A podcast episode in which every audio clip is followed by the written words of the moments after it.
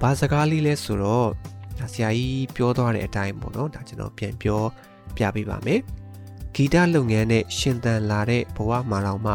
အိမ်တောင်ပြုဖို့ဆိုတဲ့မြူဆွဲတဲ့ဂီတတွေမြူဆွဲတဲ့စကလုံးတွေတခါမှမလုပ်ခဲ့ဘူးတဲ့အရန်ကိုမသားထိုက်တဲ့စကားလို့ကျွန်တော်ကတော့မြင်မိပါတယ်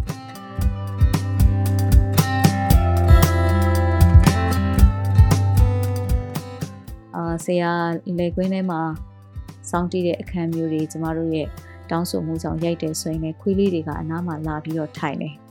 နောက်ဆုံးကင်မရာကိုခွေးရအစားမရှိန်တော့ဘူးပေါ့နော်အဲဒါရေးစရာပြောတာပါအဲ့တော့ဘာဖြစ်သွားလဲဆိုတော့အရန်ကိုတဘာဝကျသွားတယ်တကယ်တမ်းကျတော့နိုင်ငံတကာမှာဆိုရင်အများအယံမတန်ဆွမ်းသူတွေမှာ guide dog လို့ခေါ်တယ်လမ်းပြခွေးလေးတွေရှိတယ်ပေါ့နော်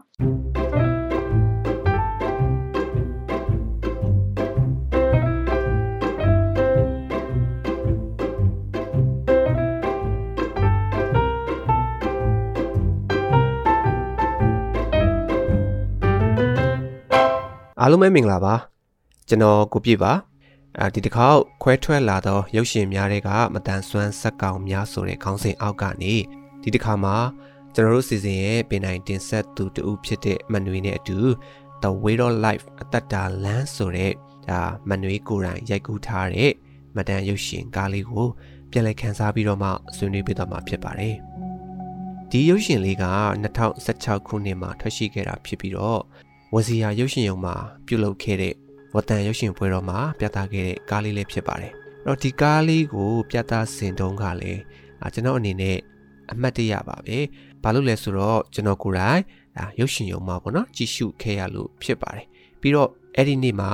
အာဆရာကြီးဦးမြင့်လိုင်ကိုရိုင်းကလည်းလာရောက်ခဲ့ပြီးတော့ဒါရိုက်တာဖြစ်တဲ့မန်နွေးကိုရောဟိုဆရာကြီးကိုရောဒါပရိသတ်တွေကမိကုန်းနေမေးကြတာကိုလည်းကျွန်တော်ကိုယ်တိုင်ဒါနားထောင်ခွင့်အာ ကြည့်ရှုခွင့်ရခဲ့ပါတယ်အဲ့တော့ကျွန်တော်လိုရုပ်ရှင်ဝါသနာရှင်တယောက်အတွက်ဆိုရင်တော့အတွေ့အကြုံတွေရောဘ ഹു တုတတွေရောဒါအများကြီးရခဲ့တဲ့နေ့လေးလေးဖြစ်ပါတယ်ဗျပြီးတော့ဟိုအားလဲအားကြခဲ့ရတယ်ပေါ့နော်အဲ့တော့ဒါလေးကတော့ဟိုဒီရုပ်ရှင်လေးနဲ့ဒါပတ်သက်လို့ရှိရင်ဒါကျွန်တော်ရဲ့အမတ်တရားတွေကတခုပဲပေါ့နော်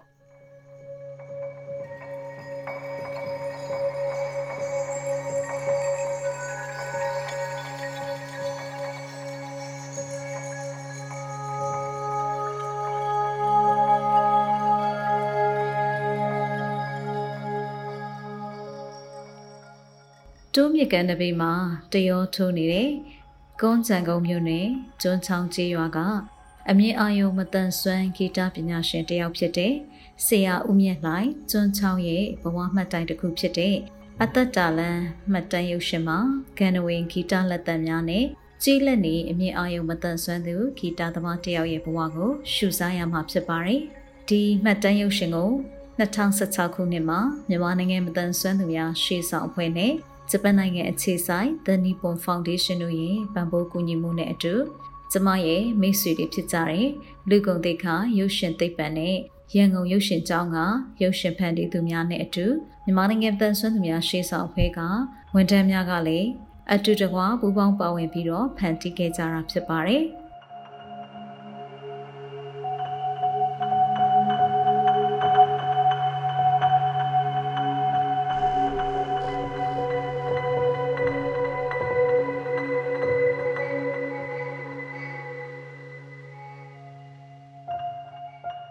ဒီရုပ်ရှင်ဟာဆိုရင်ကျွန်တော်တို့ဒါတိမ်မြုပ်လူလူတောင်ဒါဖြစ်နေပြီလို့ပြောလို့ရတဲ့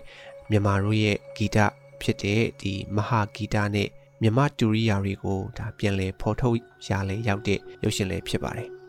အဲဒီရုပ်ရှင်ထဲမှာလည်းဒါမြမတူရိယာတွေကိုဒါတော်တော်များများကျွန်တော်တို့လေ့လာလို့ရတယ်ပေါ့နော်အဲဒီထဲမှာကျွန်တော်ဆိုရင်လည်းတခါမှမမြင်ဘူးတဲ့ဒါဟွန်တယောဆိုတာကိုမြင်ဘူးခဲ့တယ်ပေါ့နော် အဲ့တော့တယောဆိုတာကိုကျွန်တော်အခုလက်ရှိမှာဒါတီးနေကြတဲ့တယောတွေပဲမြင်ဘူးတာလीเนาะဒီဟွန်းတယောဆိုတာတခါမှဟိုမမြင်ဘူးခဲ့ဘူးအဲ့တော့ဒီရုပ်ရှင်တွေကြားမှာပဲဒါကျွန်တော်မြင်ဘူးခဲ့တာပေါ့နော်ပြီးတော့အာကျွန်တော်ဆိုရင်လေဒါဂီတကိုဝါသနာပါတယ်ပြီးတော့ဒါလေးလာလိုက်စားမှုတွေတွေဒါလုပ်နေတဲ့လူငယ်တယောက်အနေနဲ့ကြည့်တဲ့အခါမှာလေအရန်ပဲစိတ်ဝင်စားမိတယ်အရင်ဆုံးဒါဆရာကြီးရဲ့ဂီတအမှုပညာ စိတ်ထက်သန်မှုနဲ့သူ့ရဲ့ကြိုးစားမှုကျွမ်းကျင်မှုပြီးတော့ဂီတအပေါ်ချစ်မြတ်နိုးမှုဒါတွေကိုလည်းလေးစားအားချမိတယ်ဗျ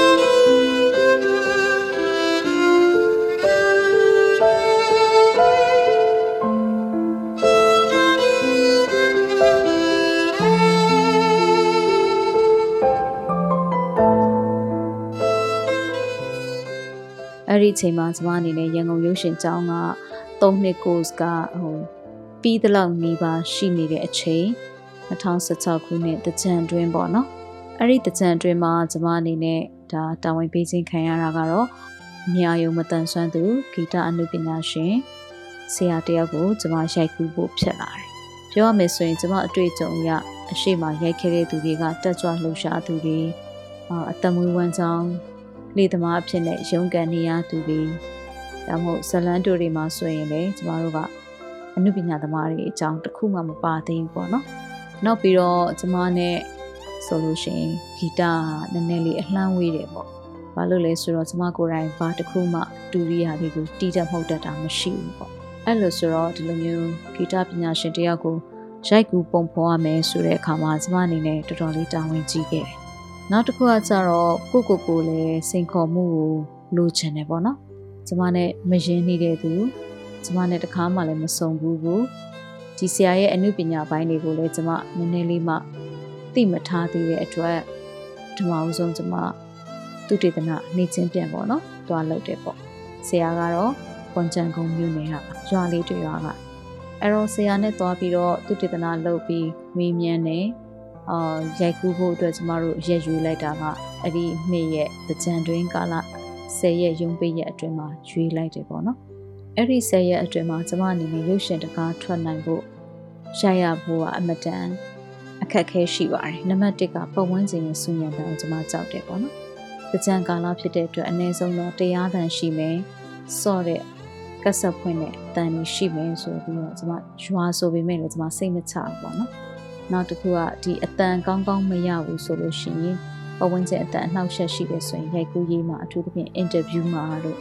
အာဒီ music တွေတီးတဲ့အခါပေါ့နော်ဒူရိယာတွေတီးတဲ့အခါမှာကျမတို့တဘာဝတန်မရမှာစိုးတယ်နောက်တစ်ခါကျတော့ဒီကာလဖြစ်တဲ့အတွက်နေထိုင်တဲခုဘဝအရန်ခက်ခဲတယ်ကျမတို့မြို့မှာနေလိုက်နေတိုင်းရွာဆင်းရိုက်လိုက်မြို့ပေါ်ပြန်တက်အိတ်လိုက်လို့ကိုအဆင်မပြေဘူးအဲ့တော့နောက်ဆုံးကျမတို့ရွေးချယ်လိုက်တာက ဒီဆရာရဲ့အိမ်မှာပဲအတူနေပြီးတော့ကျမတို့ရိုက်မယ်ပေါ့နော်အဲ့ဒါကကျမတို့ရုပ်ရှင်အတွက်ဘာတစ်ခုကောင်းသွားလဲဆိုရင်ဆရာရဲ့လှုပ်ရှားသမျှကိုကျမတို့စောင့်ပြီးတော့အေးဆေးရိုက်လို့ရတယ်တရက်နှစ်ရက်လောက်မှာဆရာအထာကောင်းကောင်းတည်သွားပြီဘယ်ချိန်ပါလုပ်လို့ရှိသလဲဆိုတာတချို့ဟာတွေဆိုရင်ကြိုမေးထားတယ်တချို့ဟာတွေဆိုရင်အလိုက်သက်မဲ့ရိုက်လိုက်တယ်နောက်တစ်ခုကကျတော့ရင်းနှီးမှုယုံကြည်မှုတည်ဆောက်ရတာအရင်အားကောင်းသွားတယ်ဘာလို့လဲဆိုတော့ဇက်ကောင်နဲ့ဒီရိုက်ကူးရေးအဖွဲ့သားတွေနဲ့ဟာတသားတည်းလူဖြစ်သွားတယ် ဒါကြောင့်မို့လို့နားလည်မှုတွေအာယဉ်နှီးမှုတွေရတဲ့အတွက်အထူးသဖြင့်ကင်မရာကိုလည်းဆရာကမရှိန်တော့ဘူးပေါ့နော်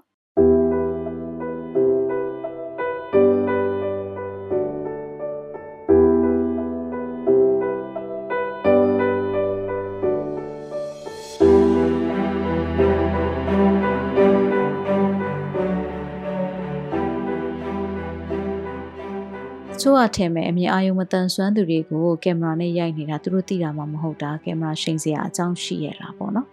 ရှိပါတယ်အာသူတို့လည်းကျမတို့လိုပါပဲဥပမာကျမတို့တွေလူမင်္ဂလာဆောင်တွေတွားပြီဆိုရင်အားရပါရစားတောက်နေတဲ့အချိန်ဗီဒီယိုကင်မရာမှတ်တမ်းတင်တဲ့လူတွေတို့သူတို့သားသူတို့သမီးတို့လာပြီးတော့တပ်ပုံရိုက်တာတို့ဆိုရင်ကျမတို့မူရင်းရှိနေတဲ့လွတ်လွတ်လပ်လပ်စားတောက်ပြောဆိုနေတဲ့အယုတ်အတိုင်းဆက်ပြီးနေသလားဒါမှမဟုတ် ကြည်ပြောရှုပြောမြင်ကောင်းအောင်ကျမတို့ဟန်ပန်အနေထားတွေပြင်ပြီးတော့အဲ့အချိန်မှာဇက်ထဲမှာဆက်မဝါပဲငုံထားတာတို့အတင်းမြူချလိုက်တာတို့ပြုံးလိုက်တာတို့နဲ့ကျမတို့တွေလောက်ကြသလားပေါ့နော်ဒါအရင်အရေးကြီးတဲ့အချက်ဖြစ်ပါတယ်အဲ့တော့အမြင်အာရုံမတန်ဆွမ်းသူဆိုပေမဲ့လည်းဆရာတို့မှာကင်မရာရိုက်နေတယ်ဆိုတာကိုသိတဲ့အခါမှာသူတို့ရဲ့လှုပ်ရှားမှုတွေကအနည်းနဲ့အများတော့သူတို့ရဲ့စိတ်ခံစားမှုကကျဉ်ကျပ်သွားမယ်သူတို့ရဲ့လှုပ်ရှားမှုတွေမှာလည်းသူတို့ဒီရင်ခုန်နေတဲ့အတွက်အထူးသဖြင့် ကိုယ့်အနာမှာတခြားသောသူတွေရှိနေတယ်ဆိုတဲ့အတွက်သူ့အနေနဲ့လည်းအနည်းငယ်တော့စိတ်ကတိကောက်ဖြစ်နိုင်တယ်။နောက်မလွတ်လပ်ဘူးပေါ့နော်။စိုးရိမ်မှုတွေရှိနိုင်တယ်၊ရှက်ရွံ့မှုတွေရှိနိုင်တယ်။ဒါပေမဲ့ကျမတို့တွေကရေချိုးထမင်းစားတာအစပေါ့နော်အကုန်အသေးစိတ်လိုက်ရိုက်တယ်ရိုက်တိုင်းလဲဆရာကိုပြောတယ်ဘယ်လိုစိတ်ခံစားမှုထားဖို့ဘယ်လိုလေးတဘာဝအတိုင်းပဲဆက်လုပ်သွားဖို့ပေါ့နော်ဒီလိုရှိရင်လည်းကျမတို့ရဲ့ရိုက်ကူးရိုက်ကွက်ကသူ့အတွက်ဂုံတိတ်ခါနဲ့အညီ ရှိစေရမယ်ဆိုတဲ့ဟာကျမတို့အသိပေးတဲ့အခါကျတော့နောက်ပိုင်းကျတော့ဆရာကမရှိန်တော့ဘူးတဘာဝအတိုင်းပဲတခါလေးရိုက်လို့ရိုက်သွားမှတော့မသိတော့လောက်အောင်ကိုဆရာကအရန်ကိုကျမတို့နဲ့တသားတည်းဖြစ်သွားတယ်အဲ့ဒီအတွက်လည်းရုပ်ရှင်ကောင်းရတယ်နောက်တစ်ခုကကျတော့အာပို့ပြီးတော့တဘာဝကြတာကဆရာတို့အိမ်မှာကခွေးလေးတွေမွေးထားတယ်အဲ့ခွေးလေးတွေကဆရာညဘက်ခြံထဲမှာလမ်းလျှောက်ပြီးဆိုရင်ခောက်တုတ်ခောက်ပြန်ဆရာနောက်ကနေလိုက်ကြတယ် ဆရာပဲသွားသွားဆရာနောက်ကနေလိုက်တယ်အာဆရာလေကွင်းထဲမှာစောင်းတီးတဲ့အခန်းမျိုးတွေကျမတို့ရဲ့တောင်းဆိုမှုဆောင်ရိုက်တယ်ဆိုရင်လည်းခွေးလေးတွေကအနားမှာလာပြီးတော့ထိုင်တယ်နောက်ဆုံးကင်မရာကိုခွေးရအစားမရှိန်တော့ဘူးပေါ့နော်အဲဒါရေးစရာပြောတာပါအဲ့တော့ဘာဖြစ်သွားလဲဆိုတော့အရန်ကိုတဘာဝကျသွားတယ်တကယ်တမ်းကျတော့နိုင်ငံတကာမှာဆိုရင်အများအယံမတန်ဆွမ်းသူတွေမှာ guide dog လို့ခေါ်တယ်လမ်းပြခွေးလေးတွေရှိတယ်ပေါ့နော် ဒါလာသားအရွယ်လေးတွေကနေစနစ်တကျလေ့ကျင့်ပြိုးထောင်ပြီးတော့မှအများအယံမတန်ဆွမ်းသူတွေအတွက်သူတို့ကနေအာအရေးပေါ်ထွက်ပေါက်တွေတို့မြောင်းတို့လှေကားတို့စသဖြင့်ပေါ့နော်လမ်းကူးတာတို့အိမ်ကိုရောက်အောင်ပြန်တာတို့အစာအုပ်တွေမှတ်ပေးထားတာတို့ဒါမျိုးတွေကိုလုံနိုင်တဲ့သတိဆန်လေးတွေကနိုင်ငံတကာမှာဟိုဝယ်သုံးကြတယ်ပေါ့နော်ဒါပေမဲ့ကိုရီမြန်မာနိုင်ငံမှာ guide dog ကင်နိုင်တဲ့အမြင်အာရုံမတန်ဆွမ်းသူဆိုတာကျွန်မတသက်နဲ့တကူဒီနေ့ချိန်ထိတော့ မြန်မာပြည်ထဲမှာမမြင်ဘူးသေးဘူးပေါ့နော်အများစုကတော့ white game ကင်ကြတယ်အကူတယောက်နဲ့သွားကြတယ်ပေါ့နော်မြင်တဲ့အကူတယောက်နဲ့ဒါပေမဲ့ဒီမှာဘာသွားပြီးတော့တဘာဝကြလဲဆိုရင်ဒီခွေးလေးတွေက guide dog လေးတွေလိုပဲသူတို့ကိုကျိုးနဲ့ချီပြီးတော့ဟိုဆွဲပြီးမသွားရတာပဲကွာတယ်ပေါ့နော်သူတို့ကတောက်လျှောက်အဲဇေယျရဲ့နောက်ကိုသွားလာလှုပ်ရှားတဲ့အခါမှာအမြဲတမ်းလိုက်လေးရှိတာကိုတွေ့ရတယ်ပေါ့နော်ဒါလေးဟာလည်းပို့ပြီးတဘာဝကျသွားတဲ့အချက်ကလေးဖြစ်ပါတယ်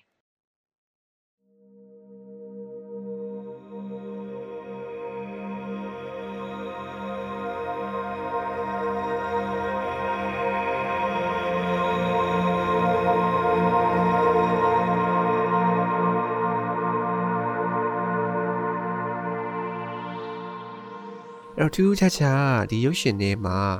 ကျွန်တော်အတွက်ပေါ့နော်မှတ်သားစရာလေးဖြစ်တယ်အရန်လေးသဘောကျမိတဲ့ဆရာကြီးပြောသွားတဲ့စကားလေးရှိတယ်အာဒီစကားလေးကကျွန်တော်တို့လိုလူငယ်တွေအတွက်တကယ်ကိုဒါမှတ်သားထိုက်ပါတယ်ပြီးတော့ဆရာကြီးရဲ့ဂီတအပေါ်ထားတဲ့သူ့ရဲ့ဖြူစင်ရိုးသားတဲ့စိတ်ကိုလည်းဒါအတိုင်းသားမြင်ရတယ်ပေါ့နော်အဲ့တော့ဘာစကားလေးလဲဆိုတော့ဂီတလုပ်ငန်း နဲ့ရှင်သာလာတဲ့ဘဝမှာတောင်မှအိမ်တောင်ပြုတ်ဖို့ဆိုတဲ့မြူဆွဲတဲ့ဂီတတွေမြူဆွဲတဲ့စကားလုံးတွေတစ်ခါမှမလုပ်ခဲ့ဘူးအရန်ကိုမသားထိုက်တဲ့စကားလို့ကျွန်တော်ကတော့မြင်မိပါတယ်မှန်တယ်ဗျဂီတအလုပ်ကိုကျွန်တော်တို့တွေလုပ်တဲ့အခါမှာရိုးသားဖို့လိုတယ်တခြားပါရည်ရွယ်ချမ်းမှမပါဘဲနဲ့ဂီတကိုဖန်တီးတဲ့ကျွန်တော်တို့ဒီလိုပဲသင်ခန်းစာရလိုက်တယ်အဲ့တော့ အမှုပညာပေါ်မှာမှန်ကန်တဲ့စိတ်ထားတတ်ဖို့ဒါဆရာကြီးစီကနေဒါကျွန်တော်လေ့လာခွင့်ရလိုက်တယ်ပေါ့နော်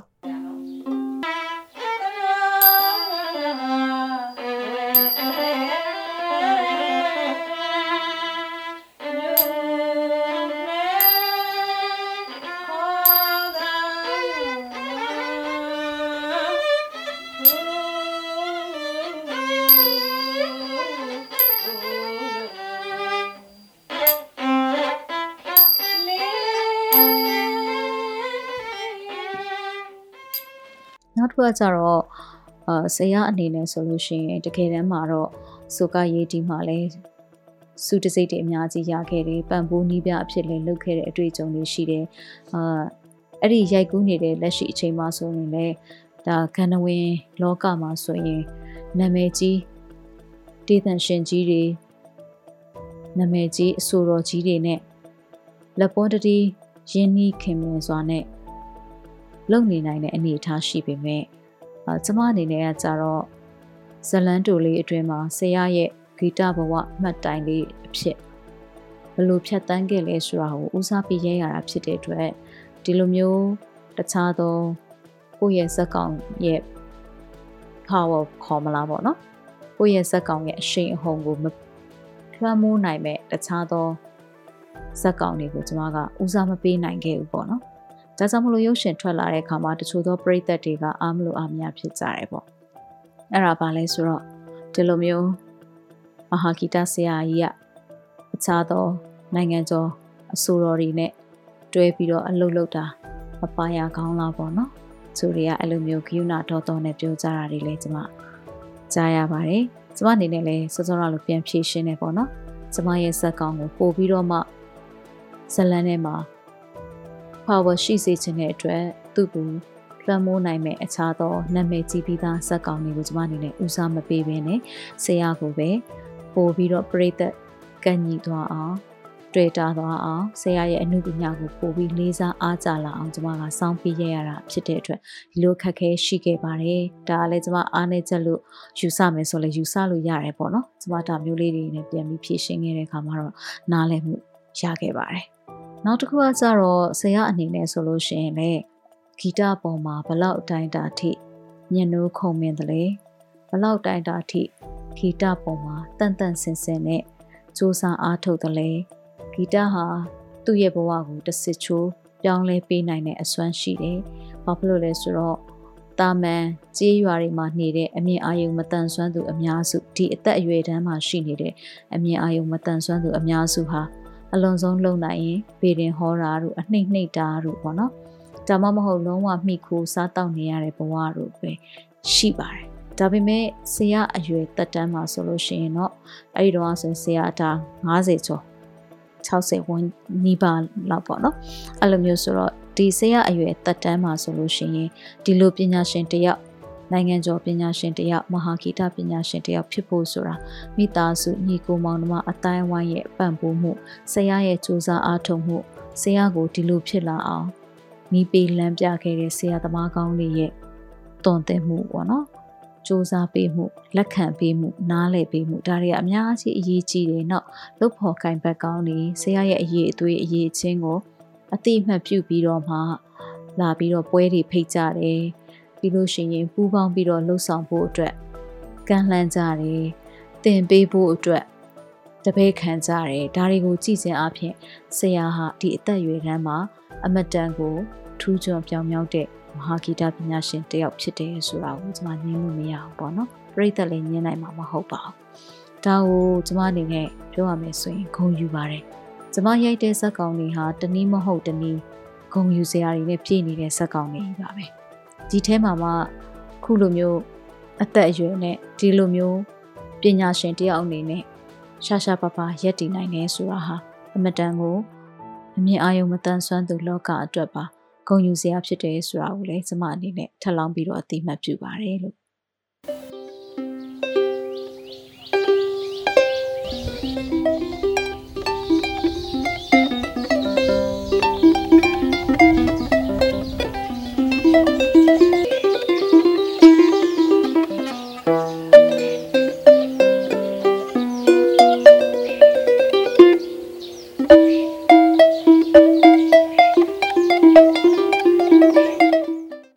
တော့နောက်ထပ်ဟိုအမှတ်တရတွေလည်းရှိသေးတယ်ဗျအဲဒါဘာလဲဆိုတော့အဲကျွန်တော်ငငယ်က TV season တွေဒါကြည့်ခဲ့တဲ့အချိန်တုန်းကပေါ့ဗျာအဲအဲ့တုန်းကဆိုရင်ကျွန်တော်ဒီမြမအတန်ရဲ့ပြီးတော့မြဝတီရဲ့ဒီရုပ်သံနှစ်ခုပဲရှိသေးတဲ့အချိန်ပေါ့အဲ့တော့ကျွန်တော်တို့အဲ့ဒီတုန်းကဆိုရင်ဒါပေါင်ချိန်ကားတို့နောက်ဒီတရုတ်တိုင်းကားဇလန်တွဲတွေအရန်ခစ်စားတဲ့အချိန်ပေါ့နော်အဲ့တော့အည9နာရီလောက်ဆိုရင်ဒီလိုကားတွေလာပြီ ဆိုတော့အဲ့လိုကားမျိုးတွေကိုကျွန်တော်တို့ကစောင့်ကြည့်ရတာပေါ့နော်အဲ့တော့အဲ့ချိန်တုန်းကလည်းဟိုဒီရုပ်ရှင်မလာခင်မှာဟိုတခြားဟိုတည်င်းနေအစီအစဉ်တွေမျိုးစုံလာကြတယ်ဗျအဲ့ထဲမှာဒီစုကရေးတီဆိုတဲ့ပြိုင်ပွဲအစီအစဉ်တစ်ခုကလည်းသူလာတယ်ဆိုတော့ဟိုအမြဲလူလူလာလိရှိတယ်ဆိုတော့အဲ့တုန်းကဟိုကျွန်တော်ကလည်းကလေးဆိုတော့ဗျာအာတိတ်တော့စိတ်မဝင်စားဘူးပေါ့အဲ့တော့ဒါပေမဲ့လည်းရုပ်ရှင်လာကန်နီးဆိုတော့စောင့်ရင်းနေပဲ ကြည့်ပြသွားတယ်ပေါ့နော်ဟိုအဲ့တော့ကလည်းတခြားကြည့်စရာလည်းအာဒီဘက်ခေတ်လို line တွေအများကြီးမရှိဘူးဆိုတော့ဒါကိုပဲကြည့်ပြသွားတယ်ပေါ့အဲ့ဆိုကရည်တီးပြိုင်ပွဲမှာစောင်းတီးတဲ့ပညာရှင်တယောက်ကိုကျွန်တော်ဒါအမှတ်မတင်တွားပြီးတော့တွေ့မိတယ်အဲသူကပြိုင်ပွဲဝင်တွေကိုဒါနောက်ကနေတော့ကုညီတိခတ်ပေးရတဲ့စောင်းပညာရှင်ပေါ့နော်အဲ့ဒီမှာဘပြန်ပွဲဝင်3-4ယောက်လောက်ပြောင်းသွားတယ်ဒါပေမဲ့အဲ့ဒီစောင်းပညာရှင်ကမပြောင်းသေးဘူး အဲသူကပင်နိုင်ပေါ့နော်အဲ့လိုတီးပေးနေရတယ်ပေါ့နော်သူ့ကိုအမြဲလိုလိုမြင်တွေ့ရတယ်ပေါ့နော်အဲ့ပို့ပြီးတတိထားမိသွားတာကသူကအဲ့ချိန်တော့ကနေကမျက်မှန်အမဲကိုလည်းတက်ထားတယ်တွေ့တိုင်းတွေ့တိုင်းမှာတက်ထားတယ်အဲဆိုတော့ပို့ပြီးတော့ဒါကျွန်တော်တတိထားမိသွားတာပေါ့နော်ဒါပေမဲ့လည်းအဲ့တုန်းကပေါ့နော်ကလေးပဲဆိုတော့ဒါမိမိပြောက်ပြောက်ပေါ့နော်မိမိပြောက်ပြောက်ဖြစ်သွားတယ်ဒီလိုပဲနေရင်ထိုင်နဲ့အာရှင်တန်ရင်နဲ့ ဒါကျွန်တော်တို့လည်းအသက်အရွယ်တစ်ခုရလာတယ်ပေါ့ဆိုတော့နောက်ပိုင်းမှာဒီဆိုကရည်ဒီစီစဉ်တွေကလည်းမလာတော့ဆိုတော့ဒီလိုပဲမေးမေးပြောက်ပြောက်ဖြစ်သွားတယ်ပေါ့ဆိုတော့ဒီနေ့ဒီအသက်တာလန်းဆိုတဲ့မတန်ရုပ်ရှင်ကားကိုရိုက်ဖြစ်တော့ကျွန်တော်ဆရာကြီးနဲ့တွေ့ခွင့်ရခဲ့တယ်အဲအဲ့ဒီမှာဆရာကြီးကိုကျွန်တော်ဟိုမြင်ဘူးတလူလူပဲပေါ့နော်အာဘာမှမြင်ဘူးလည်းမသိဘူးအာပြီးတော့ဒီဆရာကြီးရဲ့အဲစောင်းတီးတဲ့ဟန်ပန်နေအာပြီးတော့အဲ့လိုမျိုး မျက်မှန်တက်ထားပြီးတော့မှစောင်းတီးတာပေါ့နော်ဆိုတော့ဒါမျိုးတွေဒီလိုဟန်ပန်ပေါ့နော်အာတနေရာမှာမြင်ဘူးတယ်ဆိုတော့မြင်ဘူးတလူလူပဲနဲ့အစိုးရဆိုတာဖြစ်နေတာပေါ့နောက်တော့မှဘယ်ဟုတ်မလဲဗျအဲ့ဒီဆိုကရေးတီးမှာစောင်းတီးပေးတဲ့စောင်းပညာရှင်ကဟုတ်ဆရာကြီးကိုယ်တိုင်ဖြစ်နေတာပဲအဲ့တော့ဆရာကြီးကဆိုကရေးတီးပြန်ပွဲတွေမှာလည်းတီးပေးခဲ့ဘူးလေဆိုတာကိုလည်းကျွန်တော်နောက်ပိုင်းသိလိုက်ရတယ်ပေါ့နော်အဲ့တော့ ဟိုအမှတ်မထင်ပဲဗျာကျွန်တော်ငငယ်က TV တွေကနေမြင်ဘူးခဲ့တဲ့နော်အမှတ်မထင်မြင်ဘူးခဲ့တဲ့စောင်းပညာရှင်ကိုအခုဒီ2016လောက်မှာအပြင်မှာမြန်ဝါထင်နေတွေ့ခွင့်ရလိုက်တယ်ဆိုတော့ဒါကလည်းကျွန်တော်တို့ဒါမေ့မရတဲ့ဟိုအမှတ်တရတစ်ခုပဲပြီးတော့တကယ်ကိုမှအံ့ဩစရာကောင်းတဲ့တိုက်ဆိုင်မှုတစ်ခုပဲပေါ့နော်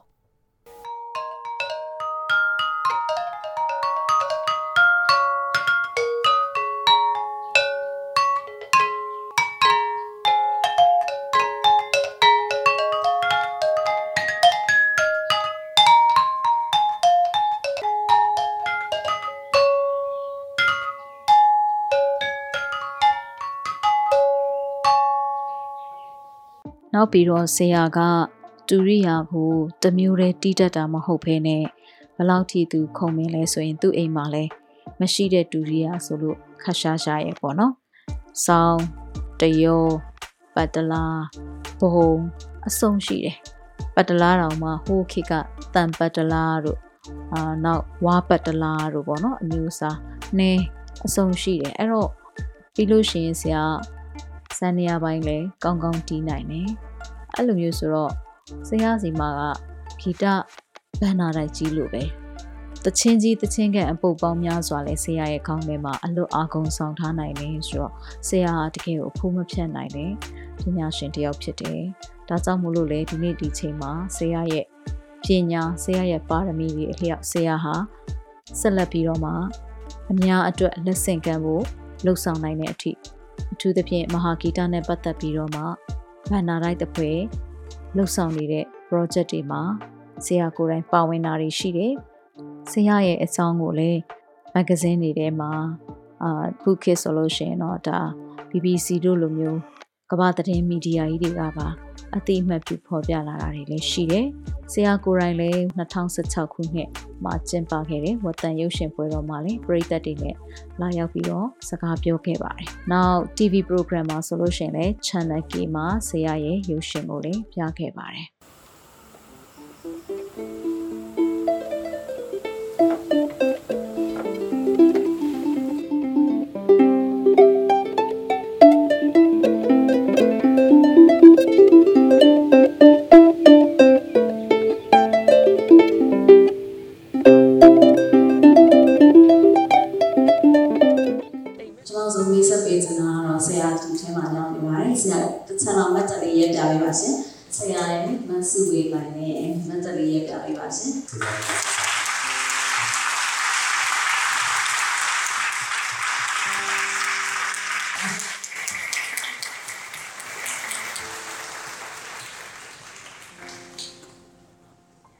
အားလုံးကိုမင်္ဂလာပါလို့လေးလေးဆဆနှုတ်ဆက်ပြရစေခင်ဗျာဒီကနေ့ documentary ဘဝရဲ့မတန်ဆွမ်းသူများ ဘဝရဲ့ဖြတ်တန်းမှုဆိုတဲ့ဓာတ်လေးတွေကိုကျွန်တော်များအနေနဲ့လည်းပဲဒါရိုက်တာဖြစ်တဲ့သမီးလေးမိစာကြီးဆိုကနေပြီးတော့ဒီ documentary ဘဝမတန်ကာလေးကျွန်တော်အတွက်အနုပညာလှူရှားမှုပေါ့လေအဓိကတော့အနုပညာလှူရှားမှုနဲ့ဒီကတနေ့တာအဲ့လိုလှူရှားမှုလေးတွေပါဒီထဲမှာစကားအဖြစ်ရိုက်ကူးထားတာလေးကိုနောက်တော့လည်းပဲပရိသတ်များဝါသနာရှင်များအနေနဲ့ မိတဲ့မိတဲ့မိနိုင်မိစင်တာလေးတွေမေးရအောင်ဆိုပြီးတော့ဒီနေ့17ရက်နေ့မှာကားပြမယ်ဆိုတော့ကျွန်တော်အနေနဲ့ရောက်လာရခြင်းဖြစ်ပါတယ်အဲဒီတော့ဒီ documentary မှာအတူလေးအမှတ်တရအတူစကားကြားကြပါတယ်ဆိုတော့ကျွန်တော်တို့အခုဦးစားပေးပြီးတော့ဒီထဲမှာပါသွားတာမြန်မာတို့ရဲ့ရိုးရာမဟာဂီတဖြစ်ပါတယ်မဟာဂီတကိုအထူးသဖြင့် ကျွန်တော်ရဲ့ပထမဆုံးဆရာသမားများတရောနောက်ဒုတိယဘဝဥပဒန်းရဲ့အလင်္ကာကျော်စွာဘဝဥပဒန်းရဲ့ကြီးစုနဲ့စောင်းဆိုပြီးတော့ကျန်တဲ့ဒုတိယနေရတော့ဒါပိုတော့ကကျွန်တော်လုပ်ခဲ့မှုတဲ့ဥစ္စာတွေကိုမှတ်တမ်းမှတ်ရလေးအနေနဲ့ထုတ်တင်ပြခြင်းဖြစ်ပါတယ်အဓိကကတော့စောင်းမြန်မာစောင်းကိုဘဝဥပဒန်းကလည်းဆုံးမတော့တာရှိပါတယ်အဲတို့တရောဘလောက်ပဲတော်တော်နိုင်ငံခြားကတရောပညာရှင်တွေကိုမင်းတို့ပြီးဖို့ မလွယ်နိုင်ဘူးအဲတော့ကိုမြန်မာရိုးရာမြန်မာစောင်းလို့အတိကဥစားပေးပြီးတော့လုပ်ပါဆိုတဲ့ဆရာသမားရဲ့ဆုံးမစကားအရာစောင်းနဲ့မြန်မာဂီတမဟာဂီတမဟာဂီတနဲ့စောင်းဆိုတာလည်းပဲအလွန်အလွန်မိဖက်ဖြစ်ပြီးတော့အလွန်အလွန်လည်းပဲလိုက်ဖက်တဲ့ဒုတိယနဲ့ပညာဖြစ်တဲ့အတွက်ကျွန်တော်ဒါကိုမြက်မြက်လုံးလုံးနဲ့သင်သင်ဆောင်ရှောင်းပြီးတော့ဒါအခုလက်ရှိလက်စူးစမ်းနေတဲ့လေ့လာနေပါတယ်ပြီးတော့ အခု documentary ရိုက်ကူးပေးတဲ့ဒါရိုက်တာနှွေးစာကြီးဆုံးတဲ့တကွဒီကနေ့မင်းတဲ့မေးတဲ့တဲ့မိခိုးများကိုမြင်မြန်ကြတဲ့ဝါသနာရှင်များအားလုံးကြည်ကြတဲ့ပရိသတ်များအားလုံးကိုအထူးအထူးပဲကျေးဇူးတင်ရှိပါကြောင်းကျွန်တော်အနေနဲ့ပြောကြားပါရစေ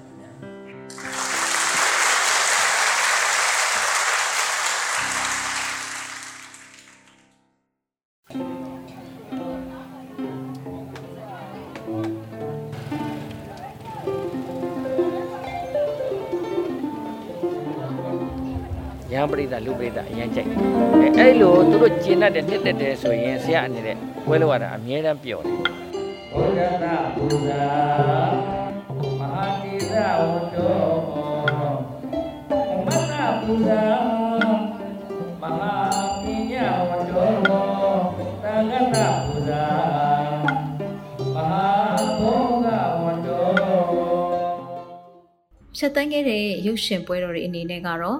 မြန်မာနိုင်ငံမှာတော့6ကြိမ်မြောက်ဝတ်တန်ရုပ်ရှင်ပွဲတော်ကို2016ခုနှစ်မှာပါဝင်ရှင်ပြိုင်ခဲ့ပါတယ်။2018ခုနှစ်အတွင်းမှာတော့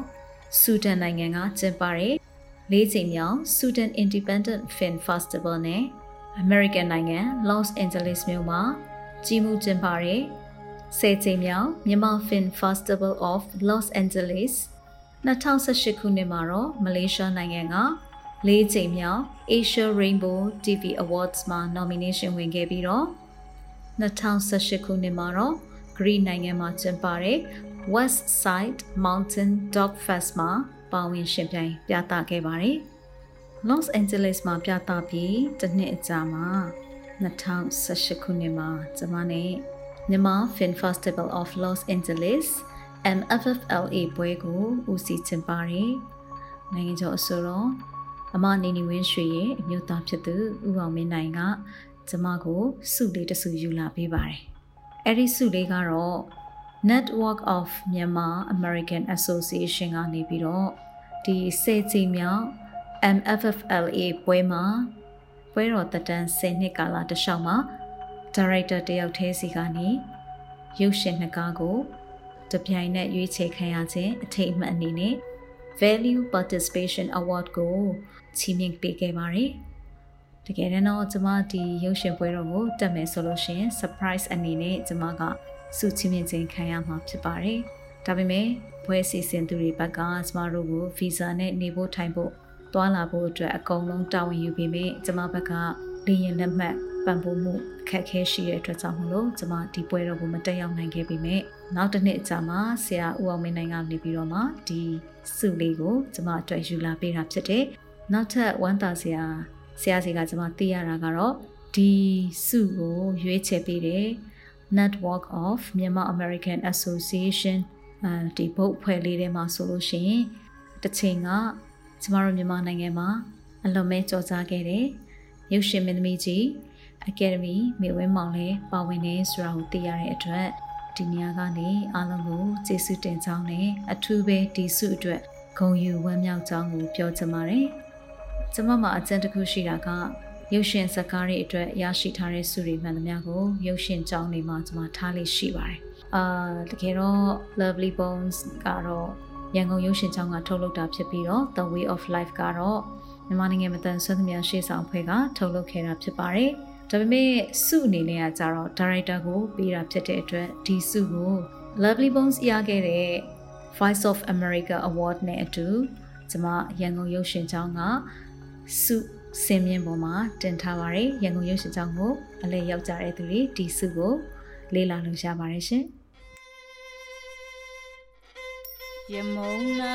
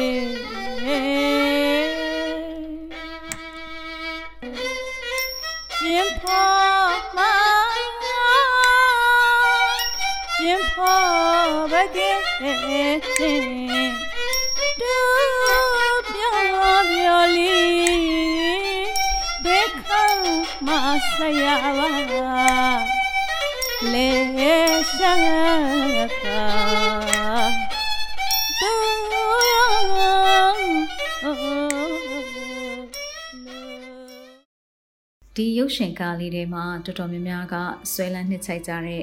အအကြောင်းအရာတွေကိုပြန်ပြောကြတဲ့အခါမှာအာတခုသွားပြီးတော့သတိထားမိတာကတော့ဇက်ကားအဖွဲမှာတုံးထားတဲ့တချင်းလေးနဲ့ဒီရှုကင်းလေးပေါ့နော်ဆိုတော့ဒါလေးနဲ့ပတ်သက်ပြီးကျွန်မအမှတ်တရလေးပြောချင်ပါတယ်အဲတကယ်တော့ကျွန်မက AR time မိုးပင်မျိုးစာတီဖြစ်ပါတယ်ဒါပေမဲ့ကျွန်မအသက်တစ်နှစ်တလတွေကရန်ကုန်ရောက်လာတဲ့ခါကျတော့ဟိုမိုးပင်သူစစ်စစ်ရတော့မဖြစ်တော့ဘူးပေါ့နော် မအူပင်မှာမွေးပြီးတော့ရန်ကုန်မှာကြီးပြင်းလာရတဲ့သူဖြစ်ပါတယ်။ဒါပေမဲ့ကျမຫນွေရသည့်ចောင်းပိရဲ့ရောက်တိုင်းအဖိုးအဖွားတွေရှိတဲ့မအူပင်မျိုးကိုသွားတဲ့အခါမှာဒီတိုးမြစ်ပေါ့နော်တိုးမြစ်ကိုကျမကအရင်သဘောကျတယ်။အဲဒါကတော့ကျမတို့တင်မောကြီးစီးသွားလို့ရှိရင်ဒါတိုးမြစ်ထဲကနေပြီးတော့မှကျမတို့ကမအူပင်မျိုးကိုရန်ကုန်မြစ်ကနေ22မြောင်22မြောင်ကနေတဆင့်ကျမတို့တိုးမြစ်ဘက်ကိုသွားတာဖြစ်တယ်ပေါ့နော်။ဆေးရရဲ့မှတ်တမ်းရုပ်ရှင်ကိုရိုက်တဲ့အခါမှာဆေးရတို့ ကွန်ချန်ကုန်းနာကမြစ်ကလေးရှိတယ်အဲ့ဒီမြစ်ကလေးကဘာမြစ်လဲလို့မေးတဲ့အခါကျတိုးမြစ်လို့ပြောရဲပေါ့နော်တိုးမြစ်လို့ပြောတော့ကျွန်မသဘောကျသွားတယ်ဘာလို့လဲဆိုတော့ကျွန်မကမအူပင်သူဖြစ်တဲ့အတွက်တိုးမြစ်ကိုလည်းချစ်တယ်ပေါ့နော်အဲ့ခါကျတော့ဟာဒါဆိုလို့ရှင်ဒီမြစ်ကလေးကိုပါအောင်ဘယ်လိုရရင်ကောင်းမလဲဘာဇက်ဝင်ခံရရင်ကောင်းမလဲဆိုတော့ကျမတို့တော်ရိုက်တဲ့ကာလာကတချန်ရက်ဖြစ်တဲ့ခါကျတော့ကျမတို့ research လုပ်တဲ့နေ့မှာပဲအဲ့ဒီမှာကငားလှုပ်တဲ့အဖွဲတွေ အများကြီးပဲရွာတွေရွာတွေအလိုက်တူညီဝတ်စုံလေးတွေဝတ်ပြီးတော့ငားလာလှုပ်ကြတော့ကျမအနေနဲ့ကတကြံတွဲမှာရေးလို့အဆင်မပြေဘူးပေါ့နော်ဒါပေမဲ့ကျမအရန်ကြိုက်ခဲ့တဲ့ဇေယျကိုဒီနေရာလေးမှာထားမယ်ဆိုပြီးတော့မှမှန်းခဲ့တဲ့အငုံလေးရှိတယ်ပေါ့ဒီမြက်ကမ်းမှာအငုံလေးရှိတယ်အဲ့အငုံလေးကိုကျမကနေဝင်ချိန်မှာဘလို့ဇေယျကိုမြက်ကမ်းအငုံလေးမှာတင်ပြီးတော့တယောထိုးခိုင်းမယ်ပေါ့လေအဲ့လိုစဉ်းစားပြီးတော့ကျမ research လုပ်ပြီးပြန်လာခဲ့တယ်ပေါ့နော်တကယ်တမ်းကျမတို့တော်ရိုက်တဲ့ညနေမှာ အမစုဝေလိုက်နေရလေးရောက်နေတဲ့အခါကျတော့ဆရာကိုရိုးရိုးတရောထွေးုံနေမကဘဲနဲ့အမနဲ့ဒီမြင့်နဲ့ပတ်သက်တဲ့သချင်းလေးတစ်ပုဒ်လောက်တီးပေးပါဆရာရဲ့ဆိုပြီးတော့ပြောတဲ့ခါကျတော့ဆရာကဒီရမုံနာဆိုပြီးတော့မှစတဲ့သချင်းလေးကိုတီးပေးတယ်ပေါ့နော်အဲ့တော့ကျမလည်းဆရာကိုဒီနေဝင်ချိန်လေးကိုမှန်းပြီးတော့မှကျမတို့တုတ်တုတ်တုတ်တုတ်နဲ့တွားကြတာပေါ့လေဟိုပြင်နာစင်နာနဲ့ဆိုရင်နေဝင်ချိန်ကတော်တော်လေးကိုနေကြတဲ့အချိန်ရောက်သွားတာပေါ့ ဘာလို့လဲဆိုတော့ကျမတို့သွားတဲ့အချိန်မှာရေတွေကကျသွားပြီပေါ့ရေကျသွားတဲ့အချိန်မှာကျမမှန်းခဲ့တဲ့ဆရာဝန်ကရုံးကဒီအငူလေးပေါ်မှာတင်ပြီးတော့နေဝင်ချိန်လေးနဲ့ရိုက်မယ်ဆိုပြီးမှန်းခဲ့တဲ့အငူလေးကရေတိုက်စားပြီးတော့ပဲ့ထွက်သွားမှရှိတော့အဲ့အဲ့ဒါနဲ့ကြည့်လိုက်တော့လေရေကျထားတော့အုံလက်တွေအုံဒီခွန်ကြောက်တွေအမိုက်တွေအကုန်လုံးကကမ်းမှာပြည့်နေတာညစ်ပတ်လို့ အဲ့နဲ့ကျမဘလို့ရရမှန်းမသိဘူးနေရာကလည်းကောင်းကောင်းရွေးလို့အဆင်မပြေဘူးနောက်ဆုံးတော့ဒီရေဇက်ကလေးပေါ့ဒီရေလေးတွေတက်လိုက်ဆန်လိုက်နဲ့ပင်လယ်ကမ်းခြေလိုမျိုးပဲဖြစ်နေတဲ့နေရာလေးရှိတယ်အဲ့ဒီရေဇက်လေးမှာအာကျမတို့ထိုင်ဖို့လည်းဘာမှပြင်ဆင်မသွားမိတဲ့အခါကျတော့အနီးအနားမှာရှိတဲ့တစ်ရွက်ကြီးကြီးတွေပေါ့နော်အဲ့လိုမျိုးဖတ်ရွက်ကြီးကြီးတွေကိုကျမတို့ကဆရာကိုအောက်မှာခင်းပေးပြီးတော့မှဒီပေါ်မှာပဲဆရာတို့အမတို့ကထိုင်ပြီးတော့ တချင်းဆိုတာနှစ်ခေါက်ရိုက်တယ်ပေါ့နော်နောက်ပြီးတော့ဆရာတယောက်တည်းပဲတရောထိုးနေတဲ့ဟာလေးကိုတစ်ခေါက်ရိုက်တယ်နေရအဲ့ချိန်မှာတော်တော်လေးဝင်သွားပြီပေါ့အဲတကယ်တမ်းကျတော့အဲ့ကပင်ကိုတီလုံးတန်းကတော့ကောင်းကောင်းမရဘူးပေါ့လေအယုတ်ကိုပဲအဓိကယူရတာပေါ့နော်အယုတ်အလှကိုပဲအဓိကယူရတယ်တကယ်တမ်းကျတော့ကျမတို့မီလီကဒီမြန်မာနိုင်ငံမတန်ဆွမ်းသူများရှေ့ဆောင်ဖွဲ့ရဲ့စတူဒီယိုထဲမှာပြန်ပြီးတော့ဆရာနဲ့အမနဲ့ကလာသွင်းပေးရတယ်ပေါ့ ဆရာရဲ့တီလုံးကိုအတီးတန်းတစ်ခေါက်ယူတယ်အမနဲ့တွဲပြီးဆိုတာကိုတစ်ခေါက်ယူပြီးတော့မှကျမတို့ဒီအယုတ်ပေါ်မှာပြန်ဖုံးခဲ့တာပေါ့နော်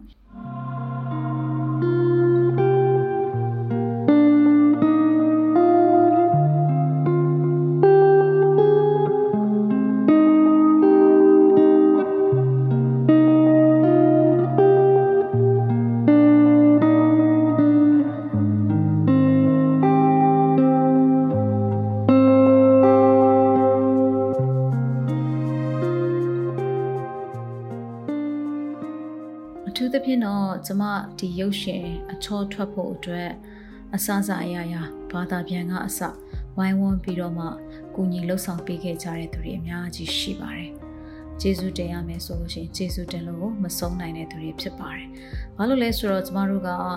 ဧပြီလအတွင်းမှာတကြံရလေးအတွင်းမှာရိုက်တယ်ပြီးတော့မှတကြံပြီးသွားတော့မှအဲတညအိတ်လောက်တစ်ခေါက်သွားရိုက်ကြတာရှိတယ်။အထူးသဖြင့်တော့ကျမ ဟိုကင်မရာကင်ပေးတယ်ဒါလူကုန်တိတ်ခါရုပ်ရှင်သိပ္ပံอ่ะမောင်လေးပူသက်ထွန်းနဲ့အတန်ဖန်းပေးတဲ့မြန်မာနိုင်ငံမတန်ဆွမ်းသူများရှေ့ဆောင်အဖွဲ့ကမြန်မာငယ်မြင့်မြတ်ဆန်တို့ကိုလည်းကျေးဇူးတင်ရတယ်။ဘာဖြစ်လို့လဲဆိုတော့သူတို့နှစ်ယောက်ကအပင်ပန်းခံပြီးတောက်လျှောက်ကျမနဲ့တကြံတွင်ရောနောက်ထပ်တစ်ခေါက်ရိုက်ကူးရေးရိုက်ဖို့အတွက်ကောသူတို့လုံးပန်းပေးကြရတယ်ပေါ့နော်။ပြောမယ်ဆိုရင်တကြံရက်ဖြစ်တဲ့အတွက်ကြောင့်မလို့ကျမတို့မှာအတန်သမားအတွက်ခက်ခဲတယ်။ အတန်သမားက film maker တွေကနေကျမတို့ရှာမရတဲ့အခါကျတော့ဒီဝန်တန်းလေးဖြစ်တယ်အတူတူလဲ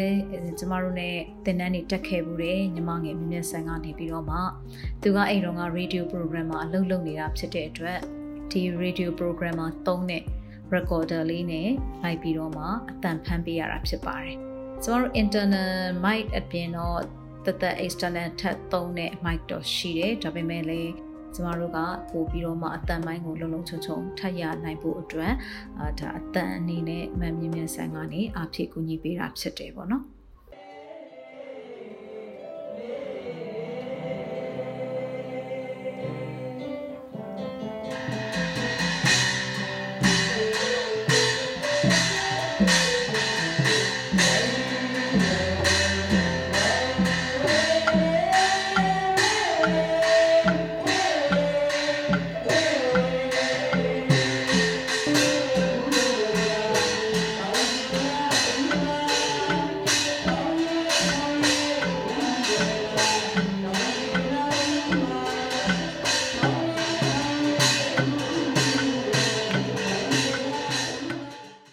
ရိုက်ကူးရေးတလျှောက်အတွေ့အကြုံမှာခက်ခဲပင်ပန်းခဲ့တဲ့အခါရှိတယ်အဲ့ဒါပါလဲဆိုတော့ဆရာကဒီတကြံပြီးသွားတဲ့အချိန်မှာကော့မှုမှာပေါ့နော်ဖုံဖုံတပါးရဲ့ဘီဒီကတ်သုံးပုံအောင်လာလားမသိဘူးအဲ့ဒီပွဲအတွက်သွားပြီးတော့မှဆရာတို့ဖြောပြရတယ်ပေါ့အဲ့ဒီကော်မှုကပွဲမှာဆိုလို့ရှိရင်ညဘက်ဖြောပြရတာလည်းရှိတယ်မနက်ပိုင်းဖြောပြတာလည်းရှိတယ်ပေါ့နော် အဲ့တော့ညဘက်ဖြော်ပြတာဆိုရင်ပြိသက်ကလည်းအများကြီးပဲမနေ့ပိုင်းကျတော့လေဒါဖုံဖုံရဲ့စာမေးပွဲအောင်တဲ့လက်မှတ်တွေကိုသူတို့စက်ကပ်ပူစောတဲ့ပွဲဆိုတော့လေအာရွာတွေကပြိသက်တွေအများကြီးပဲလာကြတယ်ပေါ့နော်မြို့နေပြိသက်တွေရောရွာခံပြိသက်တွေရောလာကြတယ်အဲ့ဒီမှာမှကျွန်မကမဟာဂီတအတိုင်းဝိုင်းကအဆူရော်ရီနဲ့နှစ်ဖူးတွေ့တူတွေ့စတွေ့ဘူးတာပေါ့နော်အဲ့ဒီမှာအမစုဝေးလိုက်နေတို့နောက်ဒီအကိုကြော်ကြော်ဟန်တို့အမတူစာအောင်တို့ သူတို့တွေကိုကျမစပြီးတော့မြင်ဘူးတာပေါ့နော်အဲ့ဒီတော့ကကျမတို့ညပိုင်းတချင်းဆိုပြီးရင်မနက်အတွက်ဆိုဖို့တညအိပ်ရတဲ့အခါကျတော့တဲရတဲ့အိမ်ရှိတယ်အိမ်ကလည်းတိုက်အစ်စ်ဆောက်ထားတာမပြီးသေးတဲ့နည်းနည်းကြမ်းချောလေးပေါ့နော်အဲ့လိုမျိုးဆိုတော့ကျမတို့ဒီဧည့်သည်တွေကလည်းများတယ်လေဒီအဆိုတော်တွေတီဝိုင်းသမားတွေစသဖြင့်ဒီလိုမျိုးရှိတဲ့အခါကျတော့ကျမတို့ရိုက်ကူးရေး၃ယောက်ကလည်း တကိုကြီးအတုံးဆောင်တဲ့ရိုက်ကူးရေးပစ္စည်းပဲပါတယ်ကျမတို့အိယာအတွက်မပါဘူးပေါ့မပါတဲ့ခါကျတော့ဒီဆိုတော်ရီတီဝိုင်းသမားတွေပေးတဲ့ထဲကပဲကျမတို့ကဆောင်းလေးနှစ်ထည်ရတယ်ဆောင်းလေးနှစ်ထည်ရတော့ကျမတို့သွားတာကရိုက်ကူးရေးဖွဲ့ကအမျိုးသားတစ်ယောက်အမျိုးသမီးနှစ်ယောက်ဆိုတော့ကျမတို့မျိုးသမီးနှစ်ယောက်ကဆောင်းလေးတစ်ထည်ယူလိုက်တယ်အမျိုးသားဖြစ်တဲ့ကင်မရာသမားဖို့သက်ထွန်းကိုကျမတို့ဆောင်းလေးတစ်ထည်ပေးလိုက်တယ်ပေါ့ဆိုတော့ကျမတို့မှာ ခြေနှောင်လည်းမရှိဘူးခေါင်းအုံးစရာကလည်းကိုပါလာတဲ့ကြော်ဖို့အိတ်တို့ဘာလို့အဝတ်ထဲတဲ့အိတ်တွေကိုကျမတို့ခေါင်းအုံးပြီးတော့အဲ့ဒီဆောင်းလေးတစ်ထည်နဲ့ကျမနဲ့မြင့်မြင့်ဆိုင်တဲ့နှစ်ယောက်ခြုံပြီးအိတ်ကြရတယ်ပေါ့နော်သူ့ဘက်ကမလုံလို့ဆိုရင်ကိုယ့်ဘက်ကဟာသွားအဲ့လိုမျိုးနဲ့အိတ်ကြရတယ်ဖြစ်ချင်တော့ကျမတို့အိတ်တာကအပေါ်ဓာတ်သူကနှစ်ထပ်တိုက်ဆောက်ထားတာ哦အပေါ်ဓာတ်ကိုလေးသားဆောင်လိုမျိုးဟာကသူကနောက်ဖေးဘက်ကို branda လိုမျိုးလေးသားဆောင်ကြီးအကျယ်ကြီးဆောက်ထားတယ် အဲ့အကျယ်ကြီးမှာပဲကျမတို့တွေကအခင်းလေးတွေခင်းပြီးတော့မှဒီဆောင်လေးတွေခြုံပြီးအိတ်ကြတဲ့အခါကျအနောက်မှာလေကွင်းဆိုတော့ကျမတို့တညာလုံးလေတိုက်တယ်လေတိုက်လို့လေတိုက်တာလေးကိုကျမတို့ကစောင့်ချုံပြန်တော့ဆောင်းကနှစ်ယောက်ကြောချင်းကတ်အိတ်လည်းအဆင်မပြေဘူးညနေချင်းဆိုင်အိတ်လည်းအဆင်မပြေဘူးပေါ့နော်အဲ့လိုမျိုးဖြစ်တဲ့အခါကျတော့ကျွန်တော်တညာလုံးဟိုသူ့ဘက်ကချင်းကိုက်လိုက်ကိုယ့်ဘက်ကချင်းကိုက်လိုက်နဲ့လေကတိုက်လိုက်နဲ့အဲ့လိုမျိုးနဲ့ဆိုတော့ဟိုကောင်းကောင်းအေးမဝခဲ့ဘူးပေါ့နော် အမနက်ကြတော့လဲအများနဲ့ဆိုတော့လေအိမ်သားရေချိုးကန်အခက်ခဲရှိမှာဆိုလို့ကျမတို့စောစောအိယာထားကြတယ်။ရင်ရေချိုးကြပြင်ဆင်ကြပေါ့နော်။ကိုကြောင့်လဲဧည့်သည်တွေအနှောက်အယှက်မဖြစ်အောင်အထူးသဖြင့်ဟိုဖြောပြရမယ့်သူတွေကအလှပြင်ဖို့အတွက်ထားကြတယ်ပေါ့နော်။အဲ့လိုမျိုးတွေဆိုတော့ကျမတို့တွေလည်းအစောကြီးထားကြတယ်။အဲ့လိုပုံစံမျိုးနဲ့ပဲကျမတို့တညမိုးလင်းခဲ့ရတယ်ပေါ့နော်။ဆိုတော့ဒါလေးကလည်းအမှတ်တရလေးပါ။ပြီးတော့ကျမတို့အဲ့မနက်ပိုင်းပူဇော်ပွဲနဲ့ပတ်သက်တဲ့ ဒီဆိုဖြောပြမှုတွေပူဇော်ပွဲပုံရိပ်တွေကျမတို့ရိုက်ခဲ့ကြတယ်ပေါ့လေ။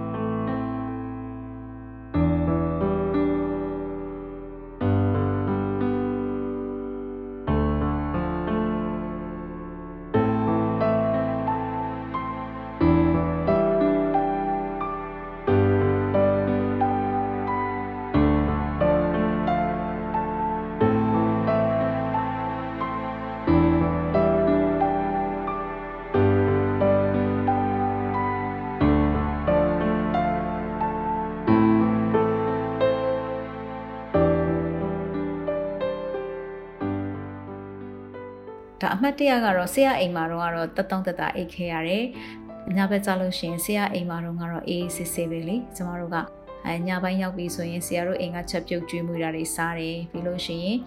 အာရိုက်ထားတဲ့ data လေးတွေ copy ကူးတယ်နောက်နေ့ဘာရိုက်မလဲဆိုတာဆရာနဲ့ဆွေးနွေးတယ်ဘယ်သွားမလဲဘာလုပ်မလဲပေါ့နော်ဆရာတို့ကညီကိုမောင်နှမတွေအားလုံးကခြံအကြီးကြီးထဲမှာတခေါ်တခေါ်စာလောက်ဝေးတဲ့နေရာတွေမှာအိမ်ကြီးစောက်ထားကြတာ哦ဆရာကိုအမားတွေကလည်းအရန်ချစ်ကြတယ် ထမင်းနေဟင်းနေဆိုလဲအများကြီးပဲဖုန်ကြီးပွဲလိုပဲစုံနေအောင်ပဲချက်ကျွေးကြတယ်ပေါ့နော်ဆရာကိုလည်းကျွေးတယ်ကိုရီးယားလည်းဧည့်သည်တွေဆိုတော့ဒါအင်ရှင်ကိုကပ်ပြီးစားကြတာပေါ့နော်အဲ့လိုမျိုးဆိုတော့ညပိုင်းဆိုလို့ရှိရင်လည်းဆရာတို့နဲ့လိုအပ်တဲ့ရိုက်ကူးရေးလေးတွေလုပ်ပြီးရင်စကားစမြည်ပြောအိတ်ကြပေါ့နော်အဲ့လိုမျိုးနဲ့ပဲပျော်ပျော်ရွှင်ရွှင်ပဲအဲအာကင်မရာမောင်လေးပို့တထွန်းကတော့သူက